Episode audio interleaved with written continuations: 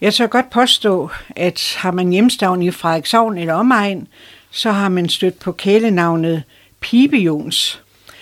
Hans rigtige navn er faktisk Mogens Christian Johansen. Mogens er opvokset i Østerholmen, er den fjerde af seks søskende, ulært blikkenslager, været gift tre gange, og siden 1992 været fuldtids pibemager. Han er også gammel musiker og elsker musik, så øh, Mogens har inviteret os indenfor i hans liv, og det glæder vi os rigtig meget til. Velkommen til dig, Mogens. Tak skal du have. Det ligger lidt i kortene, hvorfor du bliver kaldt Pibe Jons. Men øh, hvordan har du det egentlig med det kælenavn? Jamen, øh, det, det, det er jo sådan en sjov måde, jeg fik det på. Fordi øh, når man laver en pivo, så skal der gerne et lille stempel i bunden, så man kan se, hvem der har lavet det. Og min gode kammerat Bjarne From, hans far havde sølv- og guldsmedforretning. Og så var vi dernede en dag, så siger jeg til hans far, Axel, sådan et stempel, man skal have til bunden, og vi skal stempel en piver, hvad koster så noget? Jamen, siger han, det kommer jo an på, hvad det skal stå. Skal der nu stå Mogens Johansen? Eller skal der bare stå Jos? Så tænkte jeg, det var dejligt kort, det der. Det var det overskue. Så det, det, det var den måde, jeg fik det navn på der. Og i, i, i pibeverdenen, der er der ikke ret mange, der ved, hvad Mogens er. Det er der ikke. Det, det er Jos, det hele. Vi kommer senere ind på din vej øh, til at producere piber på fuld tid. Men allerførst, Mogens, øh, du er jo egentlig fra Østerholmen. Ja.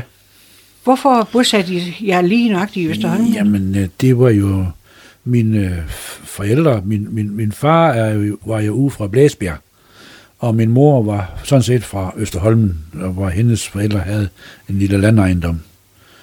Og øh, da så øh, min mor var 10 år, da hendes far døde, og hun tog så hjemmefra på et tidspunkt for at blive øh, uddannet til et eller andet, jeg kan ikke huske hvad. Men den lille landejendom der, der landte de jo så ned, min far og mor, i den ene ende af huset, og min bedste i den anden ende af huset. Og der blev vi sådan set på nær den yngste af os, er vi født dernede i de bitte hul der, han har sagt, for det var jo ikke ret stort. Men der var plads til os, ikke? Og øh, så, så det, det, jo ligesom, det var der, det hele, det startede, ikke? Men, Jamen, hvordan var Østerholmen egentlig som by, som du husker det? Ja, men altså... Der var ikke mange hus. Nej, by og by, det er sådan... Men altså, der var to købmænd. Der var en smed. Og øh, der var jo, vi var jo mange børn. Altså, det, vi, og vi, vi havde jo... Øh, vi var jo ligesom, hvad skal man sige, vi var jo... Øh, vi oppasste jo på hinanden, os unger. Ikke? Og vi, når, altså, ja, vi, vi var ikke, dengang var der heller ikke noget, det hed spil og fjernsyn og så videre. Og jeg kan sådan huske, altså, hvis vi gik ind, og, og jeg keder mig. Så du lige frem se forvirringen i hovedet på dem. Hvad kommer det også ved? Ikke? Også, altså, det, var, det må de da selv finde ud af det der. Så, så det, var, det, det var og vi snakker om sådan en, en dag, at øh, vi var mange børn, uge, og når vi var ugeleje.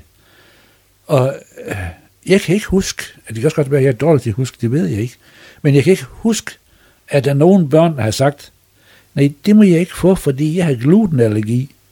Det var der sgu noget, der hed dengang. Vel? De spiste det, der kom på bordet, ikke også? Og det var sådan var systemer jo bare. Var det Kvissel eller Frederikshavn, du tog til, øh, hvis du skulle opleve sådan en lidt større by? Det var Kvissel. Det begyndte med. Fordi det var jo, det var langt væk hjemmefra. Ikke? Vi skulle hen over åen, op Kvissel Å, ikke? og så over broen. Men øh, der, der var jeg så til gengæld også i Kvissel, hvor der jo både bager og købmænd og slagter og bladudsalg og frisører. Og der var lidt af det hele op. Øh, og jeg tror da nok, jeg var da, jamen jeg havde nok været, jeg var nok mere end konfirmeret, inden jeg sådan begyndte at køre ind til Frederikshavn og cykle derhen en tur. Fordi det var ikke sådan et sted, vi så, som barn kan jeg huske, vi kom der hver år til jul, og så ellers, hvis vi skulle ind og have nyt tøj, så blev vi slæbt med hele døgnen. Ikke? Så det var det. Ja. Men I boede heller ikke ret langt fra krudtfabrikken. Nej. Har du nogensinde været generet af den, eller har I det som familie? Nej, det tror jeg ikke. Altså, udover min far, han var ved at brænde den anden gang, men altså, det... Øh... Den historie vil jeg gerne have. Jamen, han havde siddet og røget ned i lyngen, lige bag, vi boede jo næsten lige bag, det lå i baghaven, den der krudtfabrik der. Og øh, lige pludselig så gik der ild i de her lyng der. Og det kan nok være, at de fik travlt med at få fat i brandvæsenet. Og vi så tit snakket om, at han sagde, ham brandmanden der, I skal gøre, som jeres far, han siger, ikke som han gør. Men at mor har arbejdet på Grudfabrikken som rengøringsdame dernede. Prøv at fortælle lidt om dine forældre. De havde arbejdet begge to. Ja. Altså, hvis vi tager min mor først. Hun, øh, hun, var, hun har været rengøringsdame, hun har været i fiskefabrik, og de sidste mange år var hun øh, assistent nede på plejehjemmet. Der var hun nede i kælderen der, i vaskekælderen. Så hun er meget glad for det arbejde der. Og min far, han var murer. Og øh, jeg kan huske tilbage til, at de første mange år, der foregik turen til Frederikshavn jo på knallert hver dag, frem og tilbage, sommer og vinter. Øh, men et, hvad skal jeg sige, et par forældre, som jo på mange områder var meget forskellige, men alligevel fik det til at hænge sammen. Ikke? Altså, jeg kan huske, at min mor fortalte et år, der havde de, havde far været på ned og lægge, øh, sætte flis op, ned på et skib, ned på værftet, og der de fået noget overskud. Og der var vi blevet taget med hele døgnet ind til H.C. Jensen. Det var den, de foregik, altså også drengen i hvert fald, og tøserne havde fået tøj også, og sko. Og så skulle vi til juletræ. Og der blev vi alle seks sendt ud af huset, ud i en bil, der holdt ud og ventede på at skulle hente os. Og der stod de holdt om hinanden ind i Peter Værelseren. Og der sagde mor, det er det tætteste, han har været på at give sig til at græde, at han så den her flok, der bare gik ud, nyklædt, vaske og med penge på lommen. Det var lige ham, det der, ikke også? Så, så på den måde der kan man sige, der, der jeg, jeg synes jo selv, jeg har haft, øh, jeg har været øh, skide heldig, jeg har haft et utroligt godt hjem, altså med, øh, vi var sådan set aldrig i tvivl, når der blev sagt noget, om det var noget, vi måtte, eller vi kunne, fordi hele tiden, som jeg kan huske det tilbage, det var jo, I har alt den frihed, I vil have, men det var under ansvar. Og, og vi vidste jo også, at hvis vi trådte ved siden af, så faldt hammeren. Der var ikke noget, noget kompromis nogen steder. Så det har aldrig været et problem. Så det var simpelthen den frie opdragelse? Ja, det kan man godt kalde ansvar. det. Det kan man godt kalde det, for man er så stadigvæk som... Men så det var også, der stod med ansvar, ikke også? Så... Du er nummer fire ud af seks søskende. Ja. Hvor stort var jeres hus? Jamen, vi havde 100, jeg tror, det var det, det sidste, altså, det vi boede de sidste mange år, det var på 112 kvadratmeter. Ikke? Og der boede vi så seks mennesker. To, seks børn og to voksne, ikke også? Mor hun var så for grin, fordi dengang de begyndte at bygge ude i Østerholm, der sagde folk, hvad ville de med sådan en kaserne, der boede 12 kvadratmeter. det er det, folk de bygger garage på i dag, ikke også? Så det... Din far, han var murer. Ja. Var det ham selv, der byggede huset? Ja, det var det. Han havde øh, med min mors bror, var murmester herinde i byen, så han hjalp med, altså de to øh, byggede sådan set øh, hele huset der, og så øh, big tømmeren til at komme og lave tag og tagkonstruktion og sådan noget der, men ellers murværker og støbende, det var det. Det var far, det stod Din far var ansat ved det samme murfirma i mange år? Ja, der var han i mange år, og så da han så stoppede der øh, ved, ved Kærgaard, så gik han, kom han til Henrik Carlsen, og med Axel Frode Jensen var han også i mange år, så det er ikke sådan, han er ikke sådan farter rundt. Det var sådan mere, nu er vi her, så er vi nødt til at blive her indtil det, det ikke kan være længere. Så. Hvem er dine søskende? Jamen, øh, hvis vi skal starte i den, den, den ældre end, så har jeg en storbror. Øh, han bor i Aarhus. Øh, så har jeg en, en søster, en stor søster. Hun bor i Frederikshavn. Og jeg har en anden søster, som bor i Frederikshavn, stor søster. Og så kommer der mig, og så øh, kommer Esben, som også bor i Frederikshavn, og så en lille søster, som også bor i Frederikshavn. Vi bor sådan set i gåafstand fra hinanden ind i byen. Og det, øh, må jeg sige, det har vi haft meget glæde af. Hvad hedder dine søskende? Du nævnte jamen, et par stykker. Ja, men jeg har, den, den ældste hedder Jens Erik, som bor i Aarhus, og så er der Jonna, som bor i Frederikshavn, og Nana, og så er der mig, og så er det Esben, og så er der Mette. Så det, øh, og de har så alle sammen sådan, man skal sige, været rundt i verden og lavet øh, de meget forskellige. Jens Erik øh, fik, øh, der han var nok halvanden to år, fik han børnelammelse i det ene ben. Øh, og så har jeg jo på mange måder været rundt øh, for at prøve at få det. Men han har altså også kommet igennem livet på samme måde. Jonna har arbejdet som øh, sådan noget tilsynsførende ved Kriminalforsorgen i mange år. Og Nanne har været skolelærer, og jeg har så været blikkenslager til at begynde med at blive så bilmager. Og Esben har været blikkenslager og blev så gasmekaniker. Og Mette har været øh, hjemmehjælper. Så vi har sådan været rundt og prøvet nogle ting. Hvad lavede I som børn hjemme i Østerholmen, når I, I Ja, legede? Vi leger, vi, vi leger, vi spillede Antonius. Med, Antonius. Med at smide bolden over dag, og vi sparker til bøtten, som vi kaldte det. Ikke? Så leger for fil. Vi gemte fingerbøl, og jamen, og cowboy indianer, og hvad det ellers var. Ikke? Så det var, det, det var de muligheder, vi havde. Vi byggede huler ned i skoven, og altså kunne vi komme afsted med og, og, og rippe nogen, få en pakke søm og sådan en, en hammer og en sav, så var der en red, ikke? og så skulle vi nok få tiden til at gå. Så det var aldrig noget problem, det der. Jeg ved, du havde en moster, der havde en købmandsbutik. Ja, det var min faster, der havde købmandsbutik. Var din faster? Ja, øh, ude i Østerholmen. Ja. Var det ikke noget med, at du engang øh, gik op til hende for at købe en sut? Jo. jo. Jamen, jeg var gammel, inden jeg holdt op med den det. jamen, jamen, jeg har jeg fået, øh, sådan en, den kostede måske en krone dengang. Øh, og så skulle jeg gå op, og så skulle jeg selv gå op og købe den sut der. Og så stod hun lidt, min faste, så siger hun, hvad, er du holdt op med at bruge sut? Så, jo, men det er til Esben, den her. Og så fulgte hun, hun kunne sådan stå og kigge, efter jeg gik hen. Og jeg nåede lige rundt til hjørnet på butikken, så bliver den godt nok pakket ud, den der, så fik den lige, og så i lommen med den. Så, så var den noget. ja.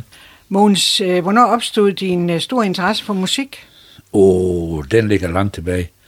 Jeg har altid synes det var sjovt at synge, og jeg har altid holdt af, øh, af musik. Øh. Det var sådan, da- jeg startede i skolen, det var jeg ude på Hedens skole, ude i Nielstrup. Der var vi jo så, der var et lærerpar, og jeg ved ikke, vi har været måske 10, 12, 15, 20 elever eller sådan noget i hele. Og når vi havde sang, det foregik ind i hendes stue, ind omkring klaveret, og så spiller hun fra England til Skotland, og så sang ungerne af fuld knald på, ikke også?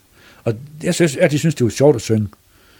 Og øh, da jeg så blev lidt ældre, øh, der var det øh, Bjarne From, blandt andet, øh, som kom efter, nu skulle altså, det, vi skulle have et orkester. Det var vi nødt til. Det havde alle andre, så må vi jo også have det. Og så var der, der var Bjarne From, og der var mig, og der var Allan Carlsen her fra Strandby, og så var der øh, Paul Erik Frydkjær også. Og øh, vi startede så med at spille. Vi skulle lave et orkester. Det vender vi lige tilbage til, øh, Mogens, fordi vi skal lige høre, du sagde, at du kom på Heden skole. Ja. Hvor lå den? Du siger, at den ligger ved Nilstrup. Ja, den ligger derude. Der ligger en maskinstation, der hedder Bukhaves Maskinstation. Og der ved siden af, der lå Hedens skole. Det var, det var det, Palm Larsen han købte i sin tid og lavede minkfarmehus. Men det var en skole, hvor, vi, hvor der var et lærerpar, som boede i en del af skolen, og resten, det var klasselokaler. Og Var det de de eneste to lærere, der var? Ja, ja. Og der, jeg kan huske, det er, det er nok et af de store kulturschok, jeg har fået. Vi kom derudfra, og så skulle vi til Strandby. Og vi var vant til, at når vi blev, der var frikvarter derude, så blev vi lukket ud. Og så når vi skulle ind igen, så stiller han sig hen på trappen og klapper i hænderne, og så skulle vi bare komme ind. Nu skulle vi pludselig stå på række, når vi kom herned om morgenen, og vi skulle høre efter en ringklok. Det, det, det, var, det, var, det var lige det, inden man vendte sig til det der, ikke også? Der var noget med, at du kom derned fra 4. klasse. Ja. Kunne øh, Heden skole ikke tage øh, børn over den Nå, alder? Jo, men de lukker jo ned, fordi det, det var for dyrt, at det der med at have de kørens. Så derfor så skulle de jo samles. Der var jo også skole ude i Vesterholm, og de blev også sendt til Strandby skole. Ikke? Så de der små skoler med de 12 elever, det, det hang jo ikke sammen, så derfor så flytter man det. Øh, altså, jamen, jeg ved ikke, altså, jeg synes jo, øh, Strandby, jeg var sgu glad for at gå på Strandby skole, det var jeg. Altså skole i det hele taget har aldrig været sådan min hobby, men altså selve skolen, jeg synes, det var en god skole at gå på. Det, det, det var det. Men der var alligevel et stykke vej fra Østerholmen Ja. og så til Strandby skole. Og hvordan kom I frem og tilbage? Vi blev kørt med bus. Vi blev hentet med bussen hver dag, og blev sat af igen, når vi... For der var en skolebus, der kom og hentede jer? Ja, ja. den kørte turen hele vejen fra herfra til Elling, og så ud omkring øh, Elling og Østerholmen, og op bagom der, ud omkring Randborg Hede og på den vej, sat, ja, hvor vi nu skulle være hen og, og på. Så det, det var sådan fast. Men hvis I nu øh, først skulle møde klokken 10, skulle I så med klokken 8, eller Ja, sådan var vilkårene? ja det, vi blev ikke sådan bare... De blev ikke hentet sådan Åh, i små nej, nej, nej, det gjorde vi ikke. nej, nej. Men du sagde, du brød dig egentlig ikke om selve det at gå i skole. Nej, Øh, det synes det var sådan... Jo, men det, det er måske også lidt forkert. Måske. Jeg kunne godt lide skolen, men der var nogle ting, altså... øh, Jeg har altid været meget... Jeg har altid synes det var sjovt at skrive. Jeg har altid sjovt, det var synes at læse. Men det var så, vi, vi skulle, jeg skulle i 7. klasse, kan jeg huske, og der skulle jeg i, i det, de kaldte for boglig klasse. Det var, ikke, det var for mig regning, og for mig matematik. Det har jeg aldrig nogensinde kunne se logikken i det der. Og så kom jeg så i 8. Øh, almen, som man kaldte det dengang. Ikke? Og, og 9. lige sådan, og fik min, min afgangshej herovre fra. Men, Så det gik ud af skolen som ja, efter 9. klasse. Ja, ja, det gjorde jeg. Hvad skete der så derefter? Jamen, øh, så skulle jeg ud og have noget arbejde. Jeg startede som, som øh, bydreng ned på Frederikshavns Avis. Og så var jeg bydreng ude hos Volvo. Og så, øh, så kom min far her med ind, og så siger han, øh, var det ikke noget med at blive blikkenslager? Så sagde jeg, hvad laver sådan en? Jamen, øh, han øh, sætter tagregn op, og han laver toiletter, og han sætter køkkenvaskriften, og. Jamen, lige så godt det som noget andet. Og så øh, var jeg nede hos Oscar Petersen. Der var jeg i et halvt års tid som arbejdsdreng. Og der var Anker, som også var arbejdsdreng. Vi blev kaldt ned i kælderen en dag. Og der sad mester med sådan to tændstikker. Den, der trækker den kortest, han får lærerjobbet, Lærling, lærlingepladsen. Og, og det var så Anker. Så var jeg videre, men så på vej derfra, det gik jeg op igennem Danmarksgade. Og der stod der et skilt, der stod Blikas, blikkenslager, rørlægger osv. Så drejede jeg lige ind, jeg gik ind på kontoret, og sagde, hvem jeg var, og jeg manglede en læreplads. Eller, så siger han, hvornår kan du begynde? Så jamen, det øh, kommer, du kan komme på mandag. Det var fint. Og så her den 1. februar, så skal du på skole i Herning, fordi så starter din læretid. Jamen så, og så kørte det sådan. Jamen, var det din ønskedrøm Nej. at blive blikkenslager? Nej, nu skal du høre noget sjovt, fordi da jeg gik på Strandby skole, det har vi jo sløjt. Og vi havde også metalsløjt.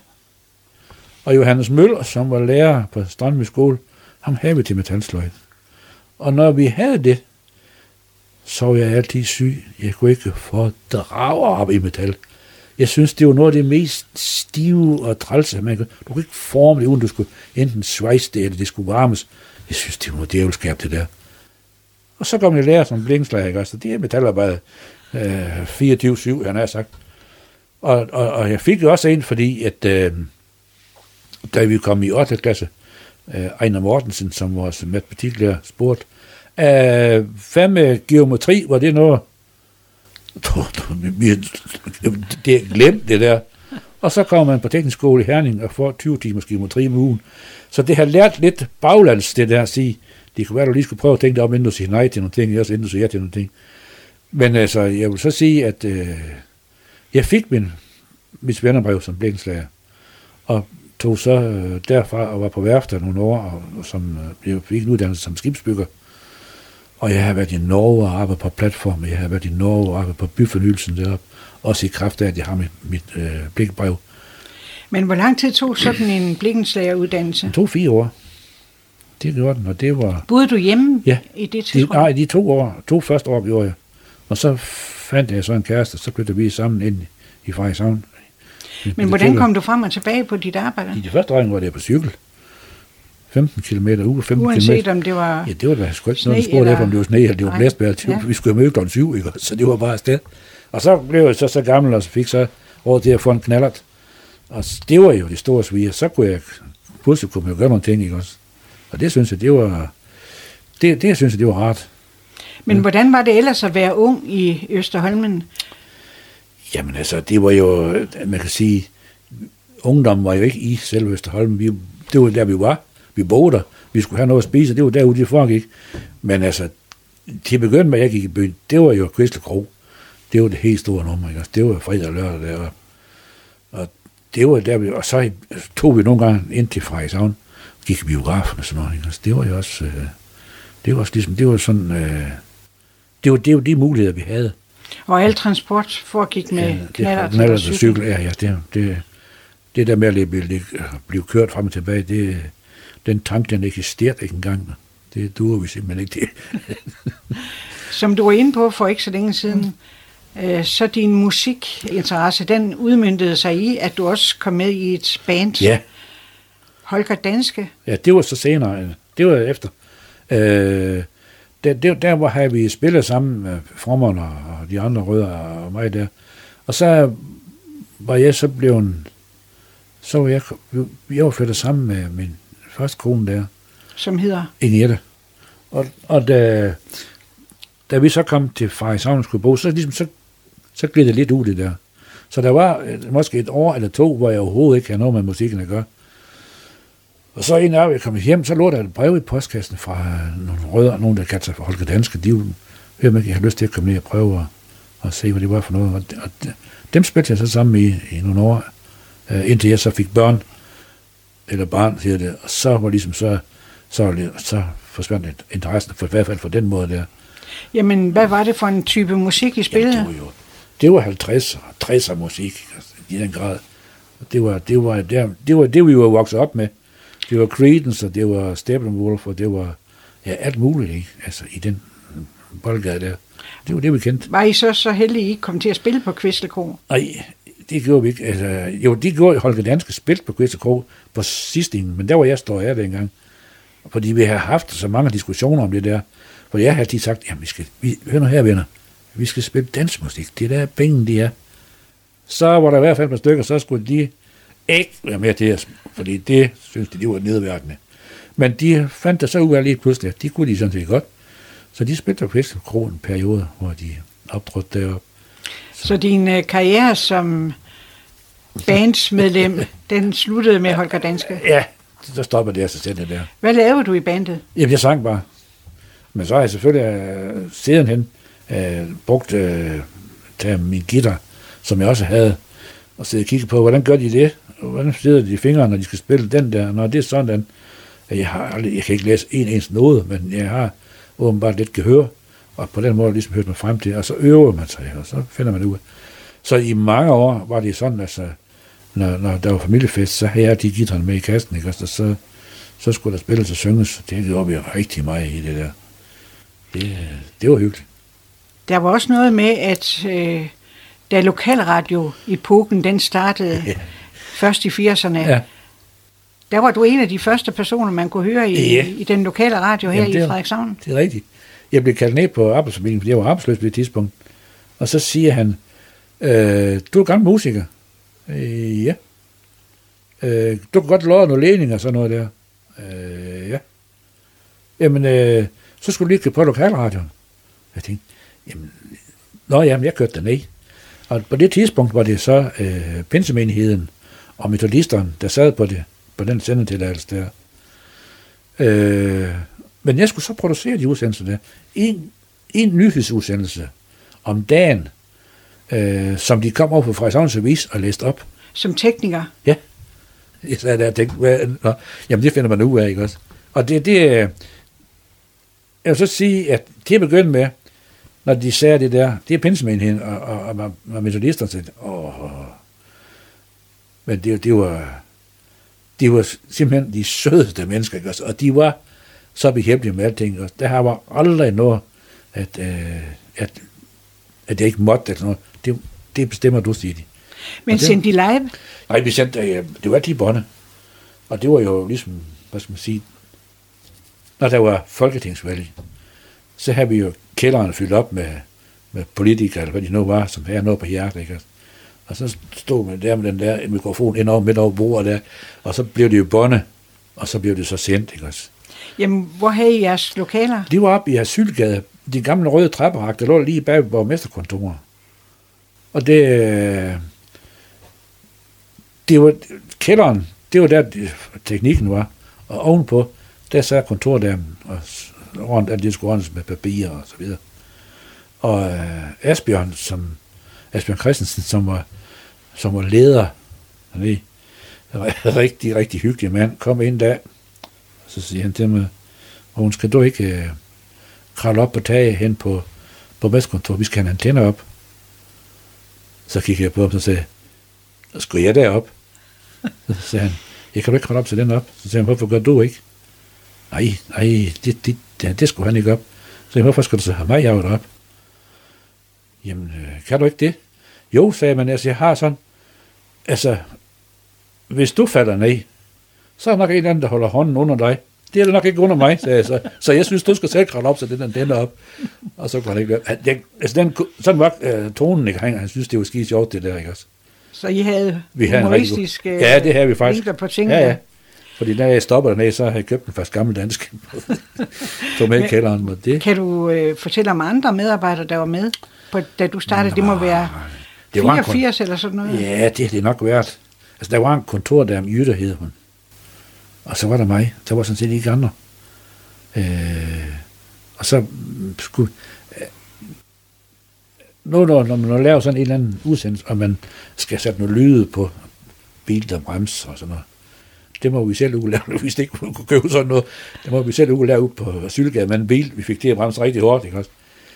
Og øh, nyheder, jamen det var jo over for avisen.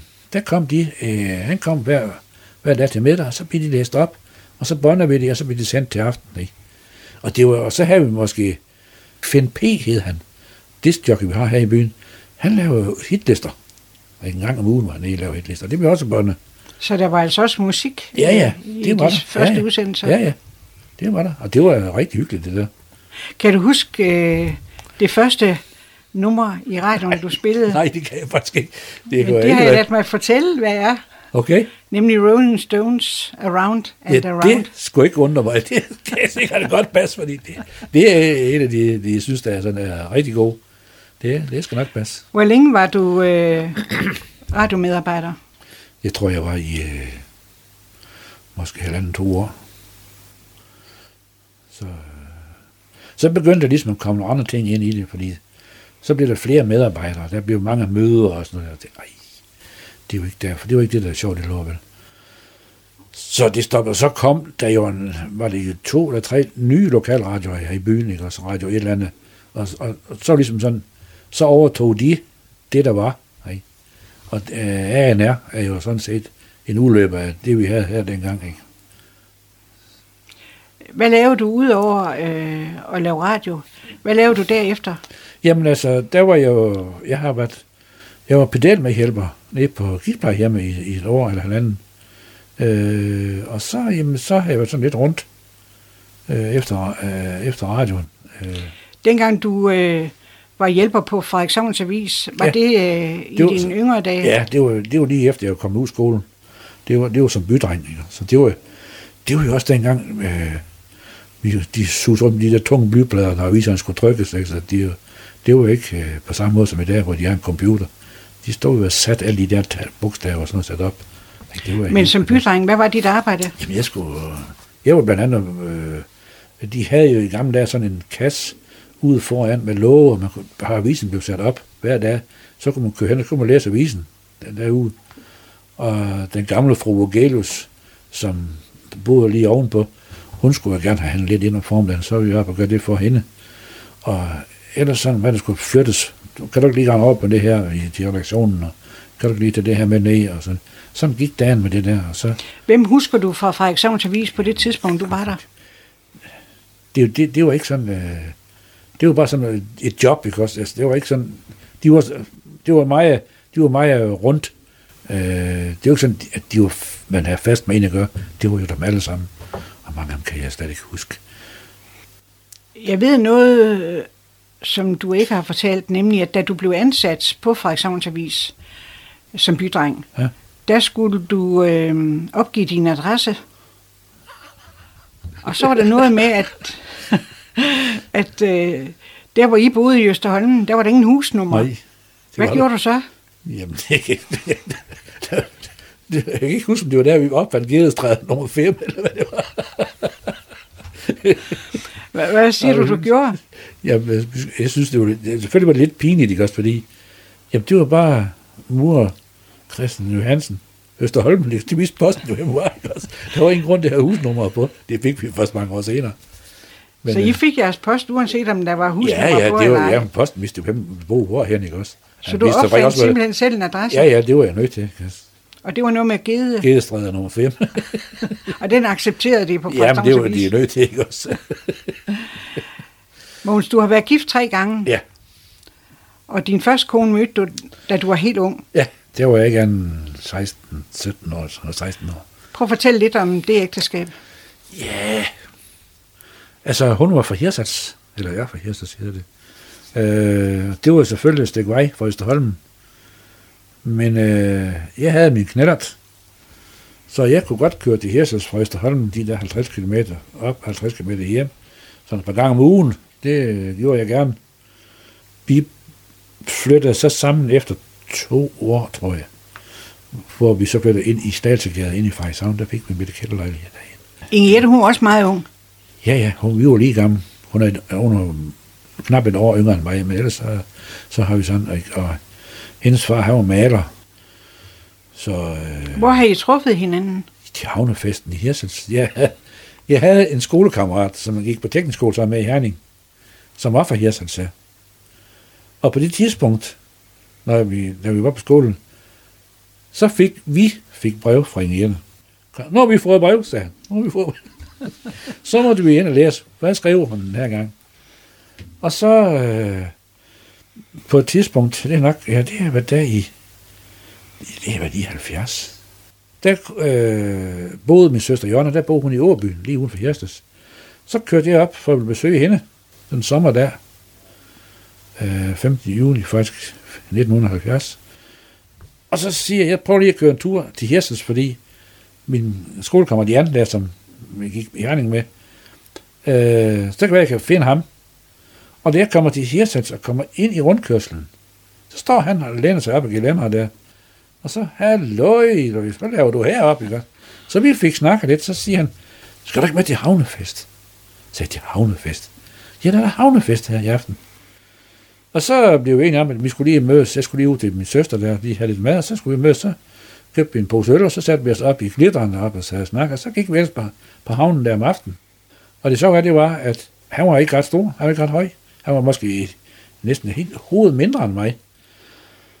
Og så pludselig siger han, der står hun. Så sagde jeg, hvem står hvor? Jamen, hende der. Så hvem er det? Jamen, det er da Inge Jette. Og ja, jeg tror, hun er lige så høj som ham. Det var hun ikke, hun var lige så høj som mig. og så var vi over, så havde jeg hende med på slæben aften, stige ud i klitteren, ikke? hvor vi, vi kæreste så lidt derude. Ikke? Og øh, jamen, så var jeg op weekenden efter med min søster igen, og kørte så til Helses, hvor vi kunne besøge hende der. Og hendes far, han var ikke sådan helt vild med, at jeg kom der. Det kunne jeg godt med Men altså, Amos Pil ja, det er det ikke gjort den i den grad. I begge ja, to? Ja, ja, simpelthen. Så. Og øh, I fik to drenge? Vi fik to drenge, ja. Christian og, og Thomas. Hvor ja. gamle er de i dag? Jamen, Christian er 48, og, og Thomas er 46.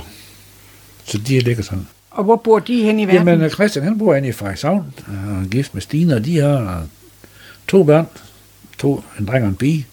Han har så uh, to drenge fra hans første ægteskab.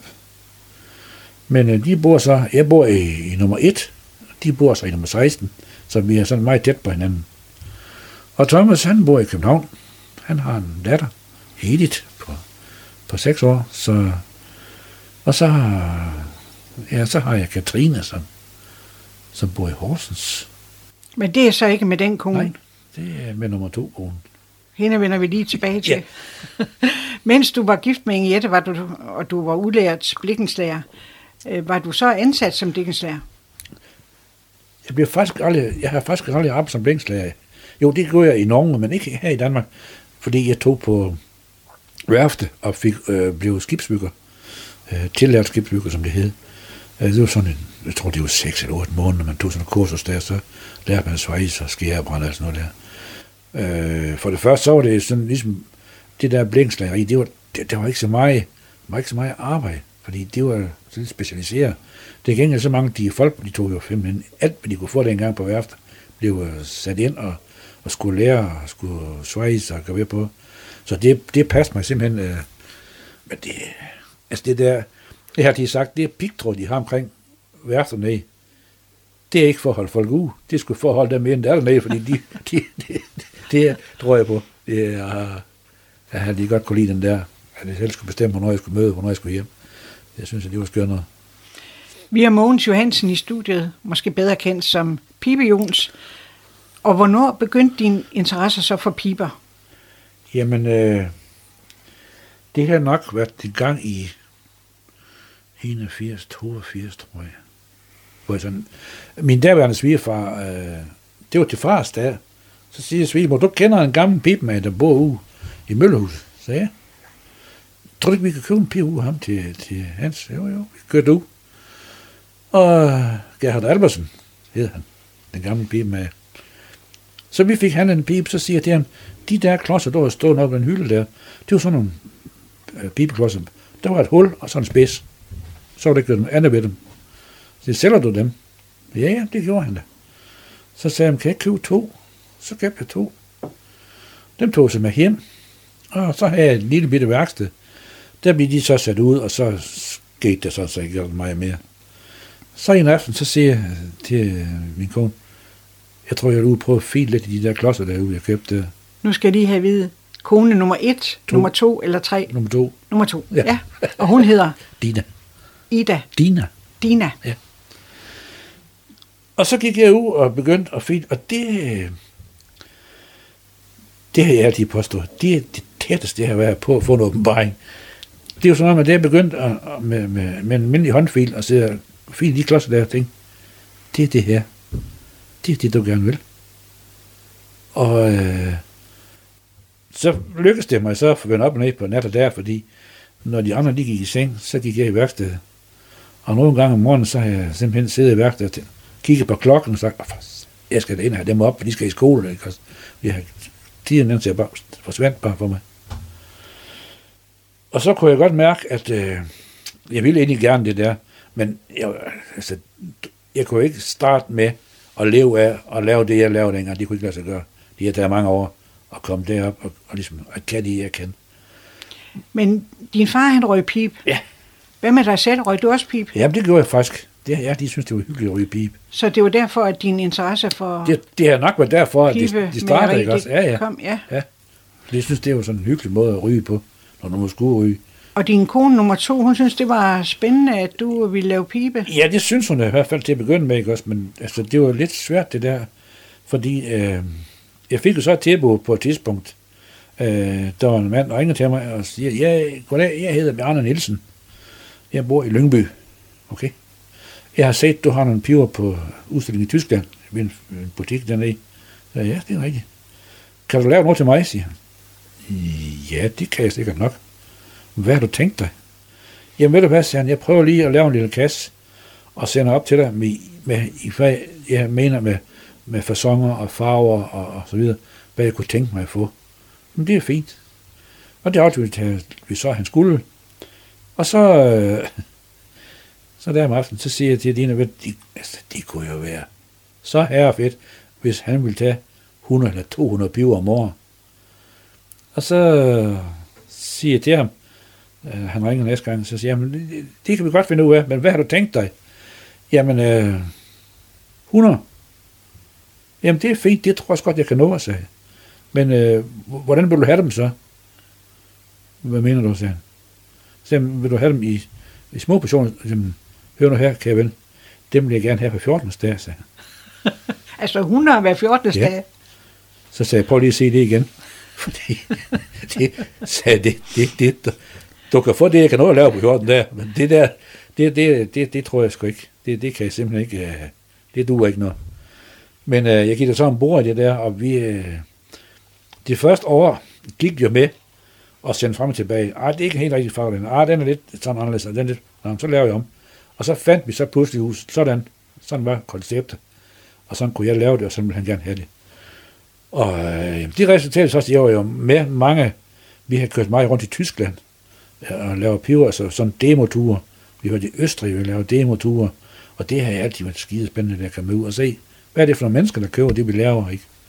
Det synes jeg, det var, det var sjovt, det der. Jamen, hvordan kunne du nå ene mand at lave så meget? Du må have haft nogle hjælpere. Jamen, det, det, det begyndte med, hvor jeg, der var jeg jo alene. Men øh, øh, jeg lavede det, jeg kunne, og han fik heller ikke 100 på 14 for det kunne jeg simpelthen ikke nå.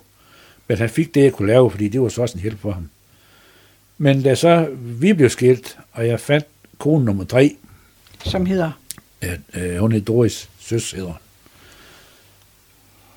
Der siger hun en dag, øh, er der ikke noget, jeg kan hjælpe med? Der boede vi i Lendum dengang. Så jeg du kan polere de peber derovre. Hvordan gør jeg det, så? Så nu se her. Så satte jeg hende over til stolen. Så fik hun noget voks, og, noget, og den der skive skal det, og den der skive til det. Så polerede hun skulle piver. Jeg tænkte, nå, er det godt nok sådan? ja, det kan jeg kan ikke gøre bedre. Og så øh, på det tidspunkt var det jo så noget, der hed øh, iværksætterydelse. Og hun har ingen arbejde på det tidspunkt. Så sagde jeg, nu skal du høre her. Nu ringer jeg med til Bjarne Nielsen og hører, hvis nu vi starter op, hvis du starter op også, hvad han siger til det. Og så ringer jeg til Bjarne og sagde, vi har snakket om, at, øh, at du skulle med os, søs skulle med. I skal bare komme i gang, sagde han. Det skal nok, da det I kan lave. Og så skal jeg lige hilse sige, så begyndte der at ske noget. Så kom der gang i produktionen. Ja, det gjorde der. Også fordi øh, hun, hun havde en, og har stadig en helt fantastisk god arbejdsmoral. Altså, vi skal have lavet en plan for det her. Vi er nødt til at skal være her. Er klokken syv eller klokken otte, det er lige mig. Og så er vi nødt til at skal have nogle timer. Og når vi er færdige med det, vi skal lave, så er det fyraften. Så hun blev nærmest din arbejdsgiver. Ja, det gjorde hun på, på en eller anden mærkelig måde, ikke også? Fordi, Hun strukturerede det. Ja, det var hun var rigtig god til det der, ikke også? Ja, havde jeg sådan meget med, så de, uh, det kunne være spændende lige at komme ind til byen, så kørte jeg bare, ikke også? Og så skulle jeg så arbejde på nogle andre tidspunkter, men det blev jo noget ujævnt noget, det der. Så i, i, de år der, og, øh, der, der kørte det, altså. Der fik vi rigtig, rigtig mange biver. Det gjorde vi. Jamen, øh, du kunne jo ikke have noget arbejde ved siden af, så var det kun... Øh, Det var kun piberen. Det var kun piber. Der stod du simpelthen over Ja, ja. og Der, blev øh, pibemager. ja, det var, der, var, altså, der skulle jeg træffes et valg der, ikke også? Men du har aldrig haft en oplæring. Du, da jeg ligesom begyndte at fatte interesse for det piberi der, så kunne jeg jo se, jeg kendte jo navnen på det, som jeg altid kaldte de dyre drenge. Der er nogen, som har brugt år på at lære det der, og nogen, som var og er hammerdygtige til det der. Og i blandt dem, der var der en, der boede i Helsingør, en hed Peter Hedegaard. Og da jeg snakkede med Peter første gang, fordi jeg ville invitere ham op i vores pibeklub, og han kunne komme og fortælle lidt om hans arbejde. Jamen, vi var nærmest kommet fra hinanden i telefonen. Vi snakker, og vi snakker, og vi snakker, og vi snakker. Og så siger jeg til ham, jeg kunne, jeg kunne godt tænke mig, så siger han, jamen, altså, jeg vil hjælpe dig alt det, jeg kan. Så må du komme herover, sagde han. Så når jeg har sådan en forlænget weekend, eller jeg har to ferier der til gå nu, til Helsingør, og så fik jeg altså de tæsk, jeg skulle have derovre, for de så, sådan sådan skal det gøres. Jeg kan ikke lære dig, jeg, jeg kan lære dig grundbegreberne, sagde han. Og så sagde jeg en der, jeg vil det her. Så sagde han, det kan jeg godt mærke, ellers jeg heller ikke givet bruge tiden på dig, sagde han, hvis ikke du vil det. Og den måde har jeg så hele tiden kommer nyt ind og, og, og, og prøver på at få, få det til at være lidt afvekslende i det, også? så det var en form for både job og interesse. Og, Ja, det blev det jo så Hobby. til. Ja, ja. Det blev det til, fordi det er en stor verden, den der, der er mange muligheder. Det er en stor verden på den måde, at, at når du snakker peber, så følger tobakken jo også med. Altså, jeg ved godt, det er politisk ukorrekt, men det er sådan, det hænger sammen, ikke? Øh, og det, det har jeg altid synes, jeg har altid synes, det var, det var et spændende område. Og så har de altid virket for mig som, det er nogle helt vildt flinke, de er nogle søde og rare mennesker, der har med de der ting at gøre. Altså, jeg har fået den hjælp, jeg skulle bruge, når jeg har haft problemer med et eller andet. Jamen, så har jeg ringet og sagt, hvad gør jeg? Jamen, nu skal du høre her. Ikke? Og det er jo et guld værd for mig, det der. Ikke? Og derfor er det også nu, nu er jeg så nået så langt i den projekt her, så jeg har sagt, nu gider jeg snart ikke mere. Nu synes jeg, jeg har lavet de piver, jeg skal lave. Jeg vil gerne beholde mit værksted, men jeg vil gerne have sådan, at nej, i dag gider jeg ikke. Jo, i morgen så godt hvad jeg gider. Og der har jeg så fundet en, en, en ung klør over på Fyn, som har, skal overtage alt det der med pibereparationer og alt det der halvværk der. Han er 33, så jeg med hvad? Du har 40 gode år endnu at give af, men og er der noget? Han ringer som siger, nu sidder man sådan her, hvad skal jeg der? Jamen, prøv at gøre sådan sådan. Nå ja, siger. Tak, og så er det det. Altså, min viden skal gå videre, ikke? Altså, der, der, er ikke, der er ikke noget hemmelighedskrammeri på nogen måde. Det skal det helst gå videre. Den business er en business, ikke i udvikling, men i afvikling. Og det, ja, det er jo det. klart, fordi det er, der er så mange restriktioner omkring ja, ja, rygning. helt klart. Helt klart. Men er det noget, du mærker på din produktion? Det, øh, det, altså noget at sige, det, flest, det mest af det, jeg gør i dag, og har gjort de sidste mange år, det er, at jeg har jo lavet pibereparationer, folks piber knækker og så videre. Så skal jeg gøre i stand og sådan til. Og så har jeg haft USA. Der er det, at det, jeg laver af min egen piber, de går derover. Da du var gift med kone nummer tre, ja. og produktionen virkelig kom i gang, ja. øh, hvor havde I så jeres værksted? Det havde vi i Ravnshøj. Så det var uden for huset, eller? Det var så i huset. Så ja. I byggede hus vi byggede i Ravnshøj? Hus i Ravnshøj, ja. Med, med værksted i? Ja, det gjorde vi. Så lavede en lille butik sammen med, og der havde vi... Ja. Og der kunne man også komme ind og købe piber ja, ja. måske? Ja, Men det var jo også sådan, det var jo nogle, nogle, nogle rimelig lange dage. Ikke? For hvis vi skulle have varer i butikken, og vi skulle også have varer til, til Bjarne, ikke? Så, så det var hele tiden et spørgsmål om at, at, at hænge i. Ikke? Og det, det blev samtidig både lørdag og søndag. Og klokken 7 om aftenen, klokken 10 om aftenen. Ikke? Det kunne ikke undgås. Med kone nummer to, der fik du en datter. Ja. Hvem er hun, og hvor gammel er hun? Jamen, Katrine, hun er fra 83, hvor hun er. Øh, hun bor i Horsens i dag og er gift med en anden pige. De har tre børn, to drenge og en pige. Og øh, hun, øh, hun er hestepige, så de gør noget. Så hun tog til Island på et tidspunkt i hendes yngre dage, og skulle op på sådan et sted, hvor de har ture, hesteture, hvor de, hun var med som guide, og, og skulle ride på de der islandske heste der. Og øh, vi har samtidig snakket om, det er sjovt, hun ikke har fået sig en kæreste. Men det, når vi snakker, vi snakker, snakker fyre og sådan noget, så nej. Nå, ja. Det er jo så den side af sagen. Og så tog hun til Island. Så ringede hun en aften. Så sagde jeg til ham, sig mig en gang, han er ikke nogen, nogen pæn fyr deroppe? Øh, det ved jeg sgu ikke, det har jeg ikke kigget efter ham. Nå? Så kom hun hjem, og så fik hun job i Randers, på studeri dernede. Øh, så kom hun hjem ud i værkstedet til mig, og satte sig ned foran mig, så sagde han, far, jeg har noget, jeg skal fortælle dig. Okay? Jeg har fået en kæreste. Hvad hedder hun? Hvordan vidste du det? Så var der, ja, den måde, du opførte dig på, så jeg kan godt se, hvor i de her peger det der. Men ved du hvad, sagde jeg, enten det er den ene, den anden eller tredje slags, det er jeg fuldstændig ligeglad med, hvis bare du er glad. Det er det, det hele det handler om. Jamen, det var hun. Ja, ved du hvad, så skal det sgu nok lykkes. Der. De er så skiftet der, og har de her tre dejlige unger der. Mogens, i dag der er du pensionist. Ja. Og du lever i et lejet hus i Frederikshavn. Ja. Men du har ikke helt sluppet pibemageriet. Nej, det gør jeg heller ikke. Vil det sige, at du har et værksted i det ja, hus også? Ja, ja. ja. Det har jeg, der har jeg faktisk haft. Jeg har boet der snart i 10 år, og har haft en produktion deroppe, og så har jeg stadigvæk reparerer stadig piber og laver stadig piber. Det er det fedeste værksted, jeg har deroppe. Og det, men nu er jeg så, nu efter når man bliver pensionist, så er jeg nået så langt hen i det. Så når der kommer nogen klokken et eller andet om formiddagen eller om eftermiddagen, kom ind indenfor. Ikke? Jeg har kaffe på kanden. Dengang man ligesom, du var nødt til at skulle, der var ikke så meget tid til det der. Så kunne man godt blive lidt som samtidig, sådan ligesom sige, kan du ikke godt der bare fise af, fordi jeg skal altså det her gjort færdigt. Ikke? Det behøver jeg ikke i dag. Altså, det her, jeg, øh, det, den der øh, bedre pension, man får, den har så gjort ligesom til, at jeg har haft tid og råd til at, at sige, nej, det ja, skal vi sgu ikke, nu skal vi sgu, vi kører en tur til Jørgen i dag, eller til Aalborg, eller nu finder på. Ikke? Så der, og der, så sige, der har jeg så min lille mor Esben der, der vi har jo helt vildt meget fornøjelse af hinanden. Det er rigtig meget endda. Så det er jo, det, det går vi meget op i. Hvem laver du så dine piber til den her gang? Jamen, nu er det så stadig USA. Øh, jeg havde jo ham, Bjarne, der, som... Aftalen med ham var, at jeg lavede til ham, og ikke til andre. Altså, for, han var så han ville have patent på dine Ja, på en måde. Det vi havde i butikken, det var han ligeglad med.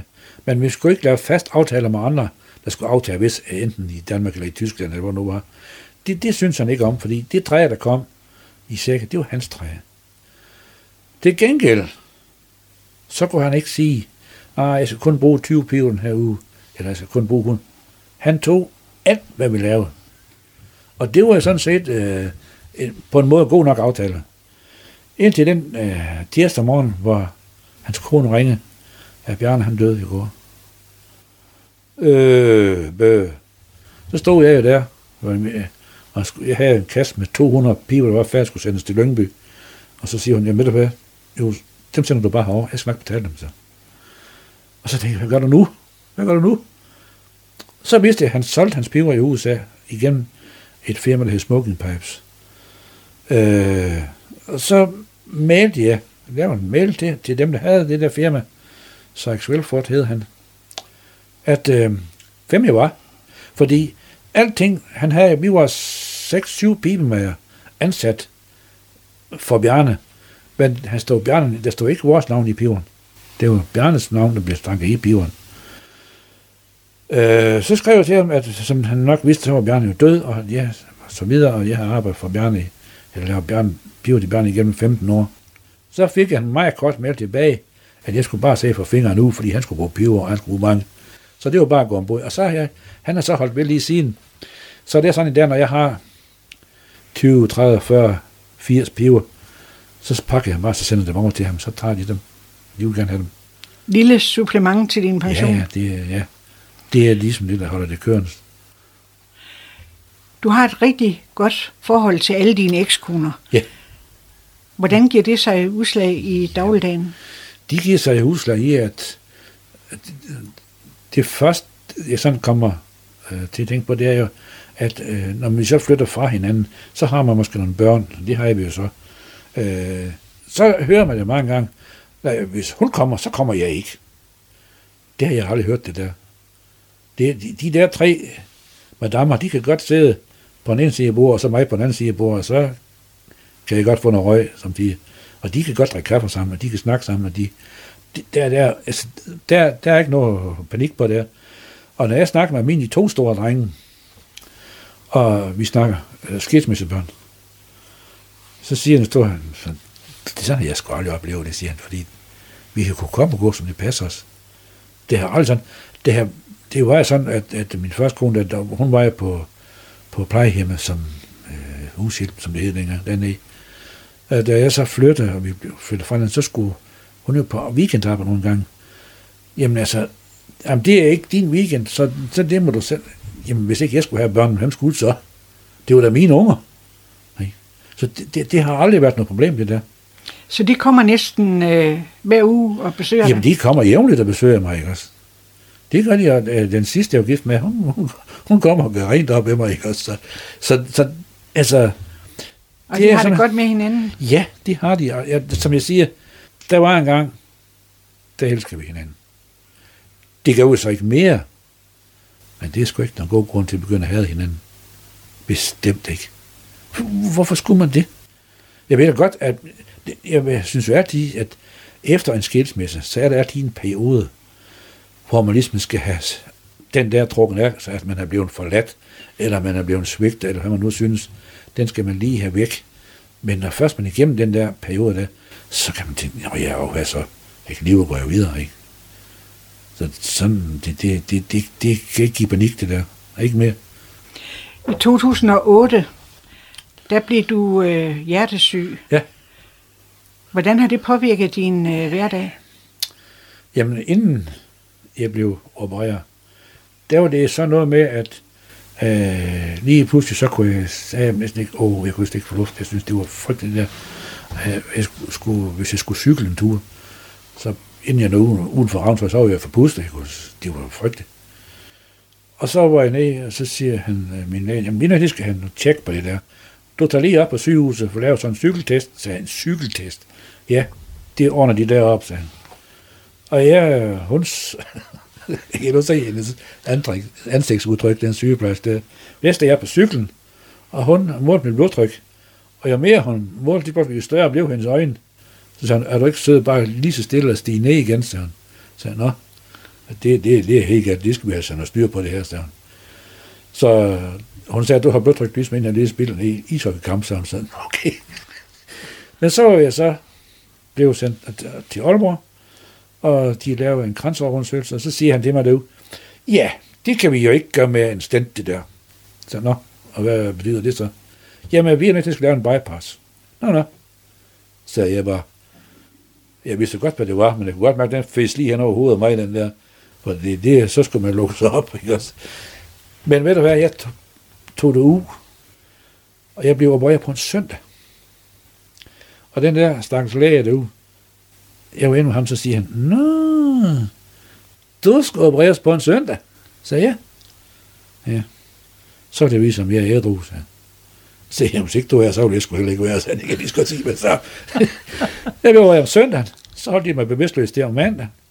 Og mandag eftermiddag, der var jeg, blev jeg lige, fik den der hævet ud af halsen, respiratoren der, og så stod der sådan stu, mandlig syge hjælper ved siden af, så siger han, skal vi gå en tur?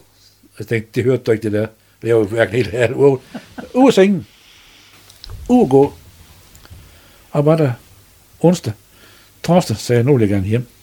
Øh, sagde han nu, du, du kunne komme til Frederikshavn. Så jamen, så kom jeg til Frederikshavn. Og fredag morgen, så sagde jeg, jeg skal hjem nu. Ikke uden det har været en hjertelæge, så får du fat i en, sagde fordi jeg skal ikke være her, fordi jeg bliver sgu syg af at være heroppe. Så blev jeg sendt øh, hjem til Ravnsøj, og lørdag morgen, der gik jeg fra Ravnsøj til Frederikshavn fuld knald på, uden nogen problem. Og så har jeg ikke mærket noget til at sige. Fantastisk. Og jeg kan samtidig have den tanke. Min far, han døde jo, fordi hans hjerte var slidt op, sagde de. At kunne de have gjort det dengang, så han får 25 gode år mere. Det er ja, for du er familiær disponeret. Ja, ja, det er ja. det. Ja, ja. Det sagde han også. Og det er det, øhm, han sagde, jamen det er, det er en type, fordi den, der så, jeg har fået den bypass. Så jamen, det, er, det er rart at vide, at man er rask. Åh, sagde han. Det, det, det er dog ikke, det er kronisk det der, det skal du regne med. Nå, sagde jeg, men, så, men nu ved jeg jo, og hvordan de opføles, når man får sådan en tur der. Så hvis der bliver noget, så skal vi sgu bare stadig igen. De nævnte ikke noget om, du nok skulle lægge piven på hylden? Det gjorde de faktisk først den dag, jeg tog hjem. Der rendte hun bagefter mig ned i gangen. Ah, skal der have nogle nikotinplaster med hjemme? Nej, jeg skal sgu ikke, sagde Men øh, jeg, jeg, nu er det rigtig mange år siden, jeg har røget smøger. Jeg sagde, jeg har stadigvæk en piv, og jeg har stadigvæk tobak. Og en gang imellem, så putter jeg tobak i, så tænder jeg den. Jeg inhalerer ikke. Jeg sidder bare og smager på tobakken, og jeg nyder det der. Og jeg snakker med min egen læge. Ja, sagde han, du skulle jo nok holde op med det der. Så ja. Men på den side, sagde han, hvis det er livskvalitet for dig, så er det jo også noget værd. Så. Man kan give dig to gode råd, okay? Du skal begrænse det så meget som overhovedet muligt. Og så skal du huske at nyde det, for ellers så bliver du sgu syg af det. og det har jeg gjort. I dag, der lever du alene. Ja. Har du det bedst med det? Ja. Det tror jeg. Altså, jeg, ikke, øh, jeg kan godt lide at have mennesker omkring mig. Og jeg kan også godt lide at snakke med mennesker. Og, øh, men det der med, at øh, jeg har... Jeg kan sige, nej, nu, nu, bliver, nu, nu du ned have en pøls. Eller, nej, nu kører du sgu en tur til Jørgen, du skal lige op hente en Jeg kan, gøre, kan komme og gå lige nøjagtigt, som det passer mig. Og det, man sige, det, det, det, er jeg ikke, det er jeg ikke i sinde at opgive på nogen måde. Det, jeg skal ikke, ja, det passer mig så fint, det der. Jeg ved, du har et rigtig lyst sind. Øh, hvordan har det givet sig udslag i din tilværelse frem til nu? Jamen, jeg tror jo nok, at på et langt stykke af vejen, så tror jeg, det har hjulpet mig igennem nogle ting. Fordi i stedet for, når man bliver stille i nogle situationer, hvor man kan mærke, at de her, det kan godt ende galt, så i stedet for at, at tage det negativt ind, øh, prøve at se det, så har de prøvet på at finde det er det positive ved det. Det kan man jo altid bruge, og så prøve at vende den på den måde. Det synes jeg, det er... Og så tror jeg også, at musikken har også gjort sit til, at, at øh, mit sind er lyst, ikke? og så de mennesker, jeg omgås. Jeg har også været igennem en, en, en, en del af, jeg har gået mig på selvudviklingskurser, for at få os for lidt indblik i, hvordan fungerer du indeni og oveni.